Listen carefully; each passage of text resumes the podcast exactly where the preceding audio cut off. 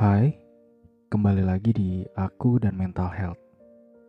Terima kasih bagi kalian yang masih tetap di sini mendengarkan Aku dan Mental Health. Semoga dari apa yang aku sampaikan, setidaknya bisa memberikan sesuatu, bisa menambah arti dari waktu yang kalian keluarkan untuk mendengarkan podcast ini. Apa kabar kalian semua?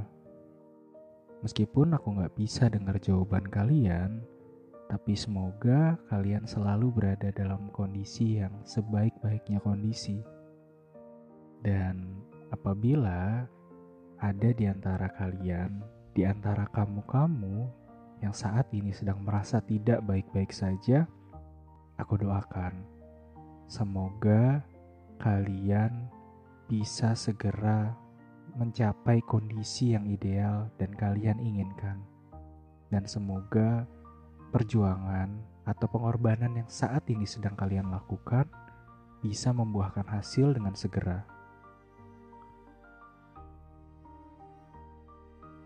Um, teman-teman, aku mau cerita lagi nih tentang perjalanan aku dan mental health. Ini adalah salah satu dari banyaknya cerita yang mungkin aku akan ceritakan satu persatu tentang bagaimana aku dan mental health ini aku bentuk, aku buat yang mungkin beberapa di antara kalian, di antara kamu-kamu semua udah banyak yang tahu kalau ini adalah caraku mensugesti diriku sendiri pada awalnya. Tetapi karena cukup banyak respon yang merasa bersyukur dengan adanya aku dan mental health beserta episode-episodenya, maka aku memutuskan untuk lebih memfokuskan podcast ini. Tetapi aku memulainya secara sangat anonimus, sangat-sangat uh, banyak orang-orang yang pada akhirnya tidak mengira kalau aku dan mental health itu adalah podcast yang aku buat gitu. Terutama bagi orang-orang yang mengenalku. Karena bagi mereka gak ada yang menyangka gitu. Karena aku gak pernah promosi sama sekali. Aku gak pernah meminta banyak orang yang mengenalku untuk mendengarkan episode-episode dari aku dan mental health saat awal kali aku mulai merilisnya.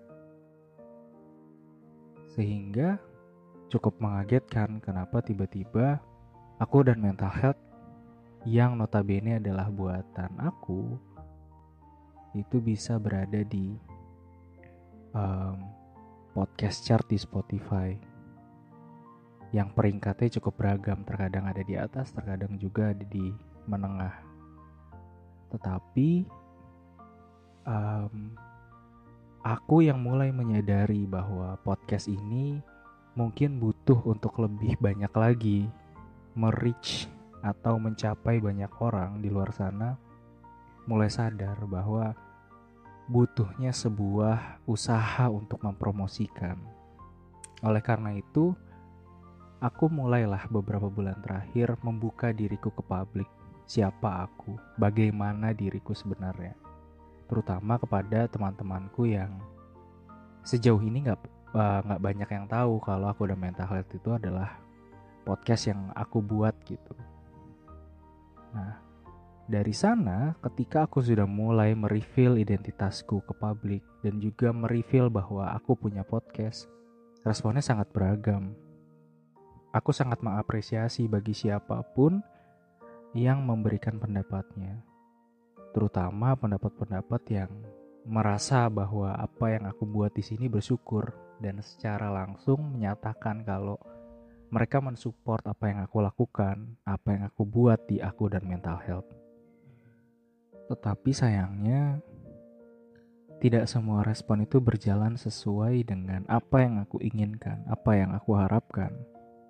Ada beberapa orang yang ternyata aku kenal juga itu menyampaikan ke orang lain penilaiannya terhadap podcastku. Ya, ada beberapa orang yang sebenarnya tidak beberapa sih, lumayan banyak. Dari yang mulai mengenalku sampai yang hanya tahu namaku dan tahu wajahku aja gitu. Entah pernah satu kuliah bareng atau pernah satu sekolah gitu. Nah, di antara mereka ini ada yang menyampaikan tentang penilaian-penilaian negatif mereka gitu. Awalnya aku ingin jadikan itu sebagai sebuah evaluasi atau introspeksi gitu. Awalnya aku berpikir bahwa penilaian yang diutarakan itu adalah penilaian yang objektif. Ternyata setelah aku dengarkan penilaian yang sampai ke telingaku bukanlah penilaian yang benar-benar objektif karena nyatanya penilaian itu adalah penilaian yang sifatnya parsial atau bisa disebut juga setengah-setengah atau separuh-separuh. Dalam artian mereka tidak mendengarkan podcastku sampai habis. Mereka tidak mendengarkan banyak episode dari aku dan mental health. Tetapi mereka bisa menyimpulkan gitu. Kalau podcastku tidak bermanfaat, membandingkan dengan orang lain yang dinilainya lebih hebat dariku, tapi kok kenapa tidak viral? Terus juga intinya banyaklah remehan-remehan yang tertuju pada diriku gitu. Merasa bahwa mungkin aku nggak kapab, nggak capable gitu. Aku nggak punya kemampuan, aku nggak punya kapasitas buat bikin sebuah podcast yang baik gitu dan ada beberapa pihak juga yang uh, mengenalku sebagai uh, seseorang yang salah satu kegiatan atau kesibukannya adalah menjadi seorang editor. Mereka bahkan ya yang membuatku sampai saat ini masih ada yang ngeganjel gitu di hati waktu mereka bilang udah lanjutin aja kerjaan editnya. Podcast itu jadiin sampingan aja nggak usah terlalu difokusin. Oh wow. Mungkin pekerjaanku membawa dukungan ekonomi bagi diriku sendiri tetapi podcast ini membawa support dan inspirasi bagi orang banyak setidaknya ini bukan kataku tapi kata dari kamu-kamu atau beberapa di antara kamu yang DM Instagram gitu. Dalam arti bukan aku mau membandingkan antara pekerjaanku dengan uh, membuat podcast, tetapi bagiku aku akan lebih bahagia ketika apa yang aku lakukan sepanjang waktu yang aku miliki, aku bisa mengerjakan banyak hal. Maka aku akan lakukan itu. Tetapi bagi orang-orang yang mengatakan ini, mereka tidak benar-benar mengenalku berarti. Kenapa bisa memberikan penilaian seperti itu? Awalnya aku berpikir untuk introspeksi, tetapi nyatanya bukan introspeksi yang aku dapatkan tapi sebuah kekesalan bahwa judgement yang keluar dari orang lain itu justru keluar bukan karena mereka tahu tentang bagaimana limit dari diriku, tapi karena mereka hanya terganggu saja dengan personaku yang yang baru gitu. Persona yang selama ini tidak pernah mereka duga sebagai seorang podcaster, kemudian mereka merasa tidak siap dengan itu. Mereka merasa tidak siap dengan itu dan lantas mereka menyampaikan kata-kata mereka yang sebenarnya tidak ada kata-kata kasar di situ. Tapi dengan menganggap bahwa aku tidak punya kemampuan untuk menghandle apa yang aku kerjain, itu sama dengan sebenarnya mereka merendahkanku. Inilah yang membuat aku akhirnya mengingat kembali bahwa hater will always hate. Itu adalah salah satu kata-kata yang disampaikan oleh seseorang yang aku kenal. Seseorang yang cukup suportif bagiku. Entah kenapa kata-kata itu tuh jadi sebuah kata yang maknanya itu jadi lebih mendalam saat ini aku rasakan. Dulu aku ngerasainnya kayak ya biasa aja gitu. Haters will always hate gitu. Tapi entah kenapa meaningnya itu jadi lebih terasa, lebih menusuk ke hati gitu. Karena itu yang benar-benar saat ini aku rasakan. Sekeras apa pun aku menjelaskan, se-effort apa pun, aku sampaikan apa yang aku lakukan, apa visiku, apa yang ingin aku berikan sebagai kontribusi bagi orang banyak, nyatanya tidak benar-benar didengarkan oleh orang-orang ini. Yang mereka lihat adalah bagaimana aku tetap menjadi aku yang mereka rendahkan. Aku tetap menjadi aku yang tidak pernah menikung mereka untuk merangkak ke atas. Mereka berharap aku tetap menjadi aku yang tidak akan pernah berada di atas mereka.